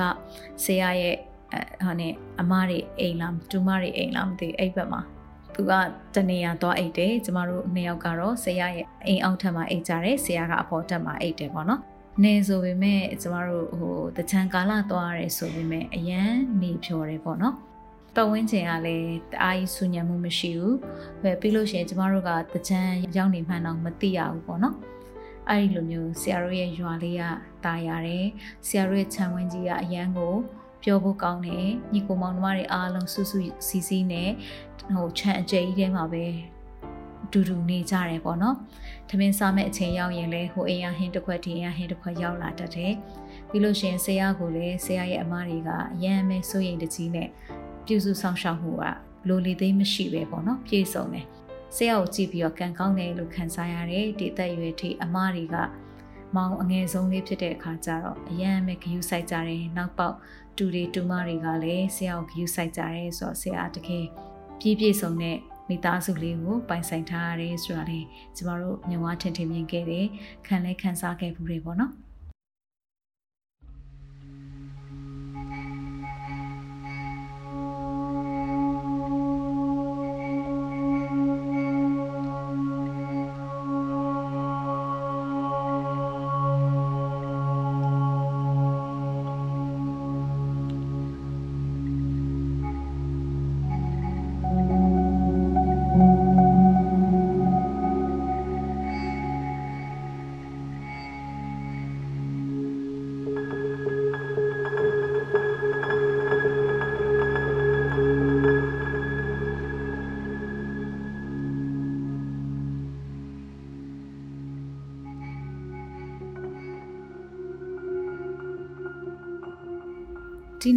ပိုင်းကျမ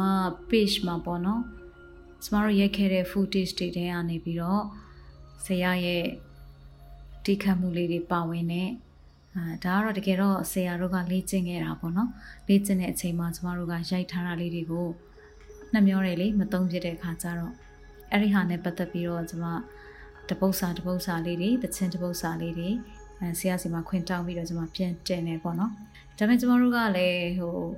MTV ရိုက်ထားတာမဟုတ်တဲ့အခါကျတော့ MTV လောက်တော့မကောင်းဘူးပေါ့လေကျမကလည်းတက်နိုင်တဲ့လောက်တော့အယုတ်အတန်ကိုချုံမွေအောင်ရှိတဲ့ကင်မရာရိုက်ချက်လေးတွေနဲ့လှအောင်ပေါ့နော်ကျမပြန်ဆက်ပြီးတင်နေပေါ့တချို့ကကြတော့လေအဲ့ဒါကိုဘာထလဲဆိုတော့အာအတန်ဖန်းညှမ်းလိုက်တာတော့ဘာလို့အထူးသဖြင့်ဒီအပြင်ပွဲတွေမှာတီးထားတဲ့ဟာတွေကြတော့ကျမတို့ကဒီပွဲကင်းထဲမှာပဲဖမ်းထားတဲ့အတန်တွေပဲရှိတာအောင်တီးတန့်ဟိုဒီအတန်ထွက်တဲ့ပစ္စည်းတွေနဲ့ join ပြီးဖမ်းထားတာမဟုတ်တဲ့အခါကျတော့ တချို့ကကြတော့လဲအတန်ဖန်းညှမ်းလိုက်တာတို့ဘာလို့အဲ့လိုမျိုးတွေပြောတော့ကျမလည်းစိတ်မကောင်းဘူးပေါ့နော်အဲ့ဒါနဲ့ပဲနောက်ပိုင်းတော့ထပ်မတင်တော့ပါဘူးကျမတို့ဟိုတုန်းကဆရာနဲ့ပတ်သက်ပြီးတော့မှရိုက်ထားပြီးရုပ်ရှင်ထဲမှာမတုံးပြလိုက်တဲ့ footage ပေါ့နော်ဒီဗီဒီယိုအကျန်းလေးတွေကိုကျမကပြန်ပြီးအချောတက်ပြီးတော့တင်ပေးခဲ့တော့အဖြစ်ပြပေါ့လေ။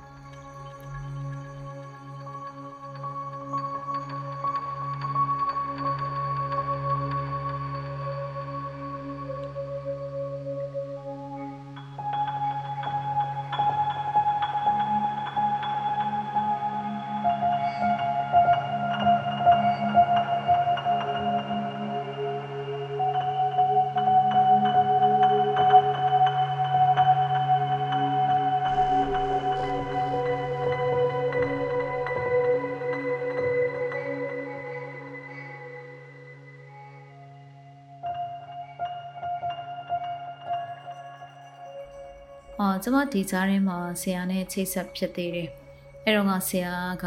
ဒီမဟာဂီတနဲ့ပတ်သက်တဲ့ project တစ်ခုကိုလုပ်နေတဲ့အချိန်ဆိုတော့ BBC တို့ဘာလို့ကတော့ဆရာနဲ့ပတ်သက်တဲ့ဗီဒီယိုအတူလေးတွေသူတို့တင်ကြတယ်။ကျမတို့က page မှာပြန် share ထားသေးရပေါ့နော်။မကြခင်မှာဆရာကမြို့သားကားဆက်ရုံမှာ one man show လိုမျိုးပေါ့နော်။ဆရာရဲ့ music concert လုပ်မယ်ဆိုတော့ကျမလည်းအရင်ရင်ခုန်ခဲ့တာပေါ့။နောက်တစ်ခါ documentary ရိုက်အောင်မယ်ပေါ့နော်ရိုက်ထားအောင်မယ်ပေါ့အနည်းဆုံးတော့ရိုက်ယူထားမယ်ဆရာရဲ့လှုပ်ရှားမှုအနေနဲ့ပေါ့အားခဲထားတာဒါပေမဲ့အဲ့ချိန်မှာ covid ဖြစ်သွားတဲ့အခါကျတော့ဒီ project အတွက်လည်းသူတို့ဆက်ပြီးတော့ဒီ one man show အတွက်မလုပ်နိုင်သေးဘူးဆိုတော့သိရတယ်ပေါ့နော်အဲ့အတွက်တော်တော်လေးနှမျောမိတယ်တကယ်လို့ဒါလာလေးနည်းနည်းစောပြီးသားလှုပ်ဖြစ်သွားမယ်ဆိုရင်ဒါလည်းဆရာရဲ့သမိုင်းဝင်တဲ့ခြေလှမ်းတစ်ခုဖြစ်သွားတယ်ပေါ့နော်အပတ်2တောင်မှထွက်ကောင်းထွက်လာနိုင်တယ်ပေါ့နော်ဒီအကြောင်းနဲ့ပတ်သက်ပြီးတော့အဲ့တော့ နောက်ပိုင်းတော့ကျမဆရာနဲ့ဖုန်းပဲပြောဖြစ်တော့တယ်ပေါ့နော်ကျမတို့လက်ရှိလုပ်နေတဲ့မတန်ဆွမ်းမှုနဲ့ပတ်သက်တဲ့ podcast အစီအစဉ်မှာလိုအပ်တဲ့အခါတွေမှာဆရာကိုလှမ်းပြီးတော့မှဖုန်းနဲ့ဆက်သွယ်ပြီးတော့ဆရာကိုမေးမြန်းတယ်ဒီ podcast အစီအစဉ်မှာဆရာကိုပါဝင်နိုင်အောင်လည်းဖိတ်ခေါ်တယ်ပေါ့နော်ဆိုတော့လက်တလောတော့ဆရာနဲ့ကျမနဲ့နေဝေးနေသေးတယ်ဒါပေမဲ့တနေ့နေ့တစ်ချိန်ချိန်တော့ကျမတို့ပြန်ဆုံပြီးတော့နောက်ထပ်ဖန်တီးမှုတင်ဆက်မှုအသစ်တွေထပ်လုပ်နိုင်အောင်မေးလို့မျှော်လင့်ပါတယ်လို့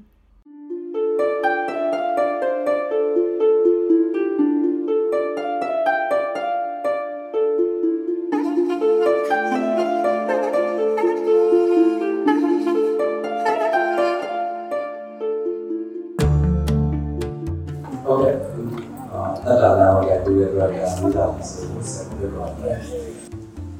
ဒီမှာဆက်အော်စရာရှိတယ်နေရပါတယ်ရှိမာလေးမင်္ဂလာပါကဲစနေပါပါငါတို့ပြကြတယ်နော်ဒီမာလေးဒီစကားလေးကိုဘယ်လိုတွင်းယိုးနဲ့ရိုက်ခဲ့တယ်ဆိုတော့မာသိချင်တာပါတော်တော်လေးစိတ်ထဲမှာလို့ကြည်ရင်းနဲ့တစ်သိန်းလေးထားလာတယ်မာတို့မပြောင်းနေတဲ့ຢာလေးကိုညီမလေးကဟောဆောင်ပေးသွားလို့လေအဲ့ကလေးကျေးဇူးတင်ပါတယ် ဟိုကကျွန်တော်သိချင်တာတကယ်တမ်းဆရာကြောင့်ဆက်ရမယ်ဆိုလို့ရှိရင်ရှေ့ရရရတာနော်ရှေ့ရလို့ရတာဆိုတော့ဟိုဇလန်တို့အဲ့လိုမျိုး documentary အတူအနေနဲ့တင်ပြရနေရမှာဟိုဘယ်လိုဆုံးဖြတ်ချက်ချခဲ့လဲနောက်ပြီးဆက်ရဖို့အစီအစဉ်ရှိတာဟာကျွန်တော်လည်းအဲ့လိုဒီပညာရှင်တယောက်ကိုရိုက်ဖို့ကြိုးစားဖို့လေပေါ့နော်ဟိုဒါပေမဲ့သူကတော့အဲ့ပတ်တလားနဲ့ပတ်သက်ပြီးတော့သူအရင်ကျွန်တော်တင်တယ်ပတ်တလားကိုသူကိုယ်တိုင်ပြုလုပ်တယ် သူကိုယ်တိုင်အတီးတယ်အဲ့လိုတခြားဒါပေမဲ့သူဟိုစီဝါရေးအရင်စင်မပြေဘူးပေါ့နော်ဒီဥစ္စာနဲ့ပတ်သက်ပြီးအဲ့ချိန်မှာကျွန်တော်တော့မြင်ပြီးတော့ရိုက်ဖို့ကြိုးစားတယ်ဒါပေမဲ့ဟိုအဲ့တော့ကျွန်တော်မှလည်းခုန budget အဆင်ပြေတယ်မရိုက်နိုင်ဘူးဖြစ်တယ်အခုဒီလိုရိုက်ပေးရတဲ့အရင်ကျေးဇူးတင်တယ်ပေါ့နော်ကျွန်တော်မေးချင်တာကအဲ့ဒီအခုဒီလိုဟိုအများကြီးတီးတတ်တယ်ပေါ့နော်ဆရာအများကြီးအကောင်လုံးတော်တော်များများဟိုလုပ်တတ်တယ်ဆိုတော့ဒီတစ်ခုတည်းကို focus ထားမလုပ်ဖဲပဲပေါ့နော် အဲ့လိုဟို play ရတဲ့သူတီးတတ်တဲ့ဟာတွေအကြောင်းတွေအကုန်လုံးဆက်ဆက်ဆက်ဆက်ပြီးအဲ့လိုထဲလိုက်တဲ့ရည်ရွယ်ချက်ပေါ့နော်ဘာကြောင့်အဲ့လိုထဲလိုက်တာလဲဟိုအစုံတီးတတ်တာကိုပြချင်တတ်တတ်ပဲလားတခြားပါရှိနေတယ်ပေါ့နော်အဲ့အဲ့ဒါလေးသိချင်ဟုတ်ကဲ့ကျေးဇူးပါခုနကဆရာမပါပဲနဲ့လက်ပေါ်မှာကျွန်မတစ်ခါပြောပြပါလိမ့်။အဲတော့ဒီနေ့ဆရာမလက်ရှိရှိနေတယ်ဆိုတော့တစ်ခါကပြောပါဦး။ကျွန်မတို့ဆရာတက်တဲ့တိတ်ပါလား။ပြဆရာဦး ချစ်ကိုဆိုတာစနေရချစ်ကိုချစ်လို့ဆိုတာစနေရကိုလည်းအရင်ကျွမ်းတယ်။ဒုတိယတော့ပတ်လာ။ဒါပေမဲ့အဲ့လိုဂီတပညာရှင်တွေအားကျွန်မတို့ဆီမှာဆိုရင်တရောမှာကောင်းရင်ကောင်းတယ်ဟိုကွာဦးရဲ့ဘုံအဲ့လိုသူ့ musical instrument နဲ့သူပဲ skillful ဖြစ်ကြတယ်။အခုဒီ flame ထဲမှာကျတော့ဆရာကိုကြည့်ရတာသူကဘယ်ဟာဖြစ်ဖြစ်ကောက်တီးနိုင်နေတဲ့ဒီအချင်းကဒါမျိုးကရှားပါတယ်ပြီးတော့သူများတွေက notes ကိုကြည့်ပြီးမှတီးနိုင်တယ်ဆရာမဟုတ် notes ဆရာကသူ့ကောင်းထဲမှာတတန်စင်ကိုသူ့စိတ်ကရွတ်ပြီးတော့လက်ကရောက်သွားတယ်ကျွမ်းကျင်ကြီးအဆင့်ကိုရောက်တယ်သူ notes ကြည့်ကြရမလို့သူကအဲ့ဂီတတန်စင်ကိုသူ့ဟာလက်က run သွားဆိုတော့အဲ့ဒါအရင်ကျွမ်းတယ်ဆိုတော့ကျွန်မသိပါတယ်နောက်ခုတနေ့ကလည်းပြောပြပါပြီအဲ့ဒီအနုပညာပစ္စည်းဒုတိယပစ္စည်းမျိုးစုံကိုတီးနိုင်တဲ့ပညာရှင်ရှားပါတယ်တစ်ခုစီတစ်ခုစီပဲတော်ပါတယ်တချို့ကဆိုလေးကိုမတတ်ဘူး ဆိုရင်တီးတယ်တီးရင်ဆိုတယ်အဲ့ဒါတစ်ခုပဲလုပ်နိုင်တာမျိုးဆရာအကုန်လုံးလက်ဆောင်ရနေပါတယ်ပညာကိုလည်းလေးစားပါတယ်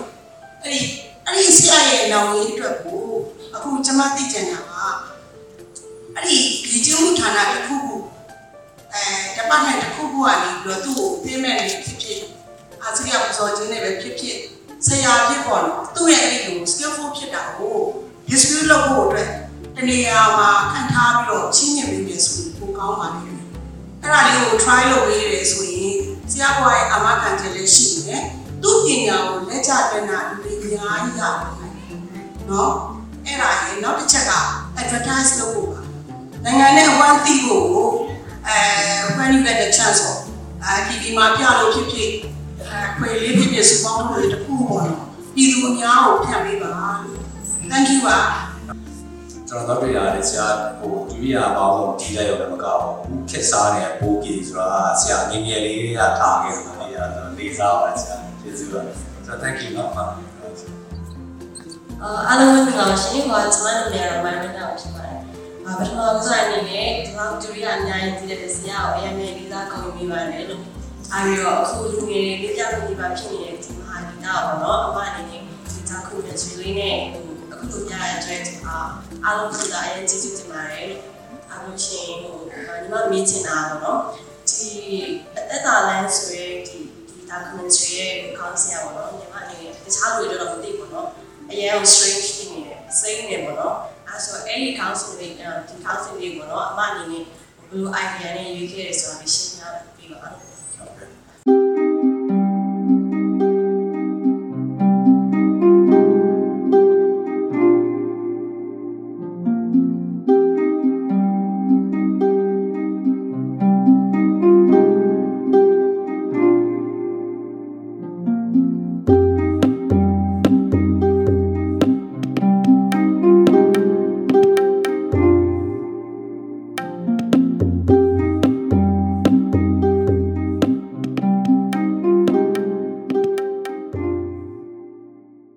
ဒီရုပ်ရှင်ပြသတဲ့အချိန်တုန်းကဒါပရိသတ်တွေအာဒါရိုက်တာနဲ့ပေါ့နော်အပြန်အလှန်အမေးအဖြေကဏ္ဍလေးကိုလည်းဒါကျွန်တော်နားထောင်ခဲ့ရတယ်ဆိုတော့အဲ့ဒီမှာဆိုရင်လေဒါပရိသတ်တွေရဲ့နော်ဟိုရုပ်ရှင်ကြည့်ပြီးတဲ့အခါမှာသူတို့ရဲ့ယင်ထဲကခန်းစားချက်တွေကိုကြားရတယ်အဲဒါရိုက်တာကိုသူတို့သိချင်တာတွေမေးကြတယ်ချီးကျူးကြတယ်ပြီးတော့ဆရာကြီးကိုလည်းဒါလေးစားချောင်းတွေเนาะဒီလိုပညာရှင်တွေရှိနေတာကိုဂုံပြုတင်ချောင်းတွေအများကြီးကြားခဲ့ရတယ်။အဲ့တော့ကျွန်တော်ကိုယ်တိုင်လည်း အရန်ကိုအားချမိတယ်။အာဆရာကြီးတို့လည်းကြည်နူးရတယ်လို့ဂုံလေးယူခဲ့ရတယ်ပေါ့နော်။ဟိုမတန်စွမ်းသူအချင်းချင်းလဲဖြစ်နေရဆိုတဲ့ခါကျတော့ပို့ပြီးတော့မှလည်းဟိုဂုံယူရတယ်ပေါ့နော်။ပြီးတော့ဟိုကျွန်တော်အားကြတာတခုရှိသေးတယ်။ဆရာကြီးကတမြမတူရိယာတွေတော်တော်များများကိုတီးတက်နေတာဗျအဲ့တော့ကျွန်တော်တို့ဒီရုပ်ရှင်ထဲမှာမြင်ရတဲ့လောက်ဆိုရင်တော့စောင်းပါမယ်တယော နော်စန္ဒရာပတလာမောင်းအများကြီးပဲဗျာဒါတော့တခြားတူရီယာတွေကြံသေးတယ်လို့တော့ဒါကျွန်တော်သိရတယ်ပေါ့နော်အဲ့တော့ကျွန်တော်တို့ဆိုရင်ဟို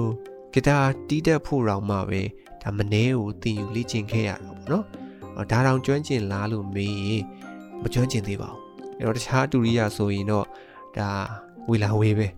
ဆိုတော့ပြီးတော့ဂီတဟာအာကျွန်တော်ညံမိတလောက်ပေါ့နော်ပြောရရင်အင်မတန်နူးညံ့သိမ်မွေ့တယ် အင်မတန်နဲ့ဆိုင်နေ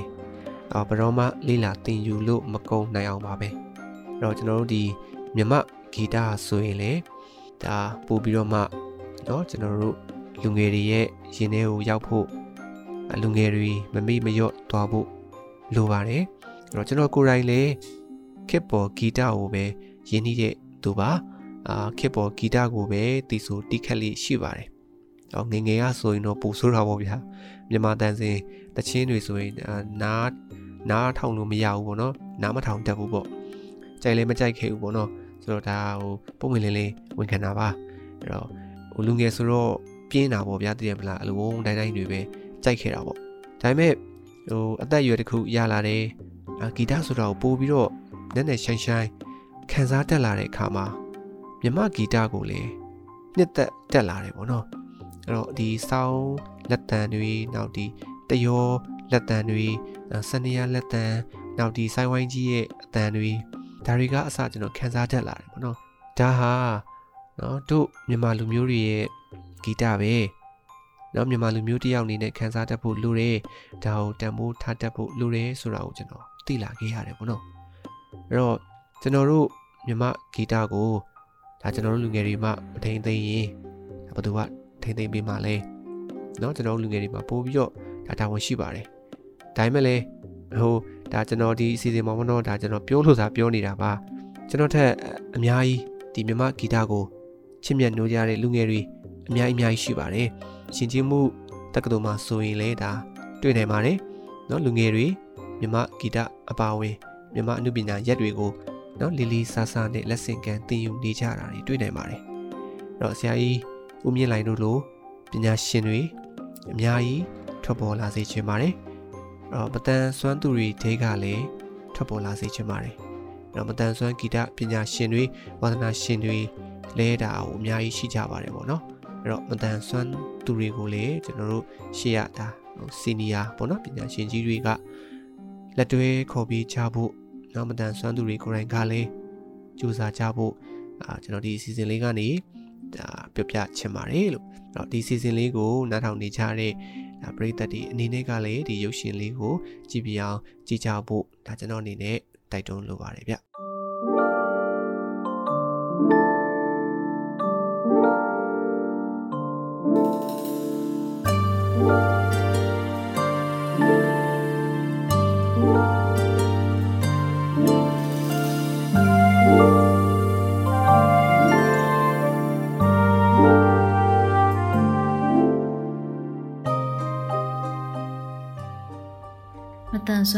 ပတ်သက်ပြီးမတန်ရုပ်ရှင်တွေဖန်တီးတယ်ဆိုတာဟာကျမရဲ့အိမ်မက်ဖြစ်ပါတယ်။ဒီအိမ်မက်ထဲမှာကျမတယောက်ပြီးတယောက်လက်တွဲပြီးတော့မှအကောင့်ထိဖော်ခွင့်ရခဲ့တဲ့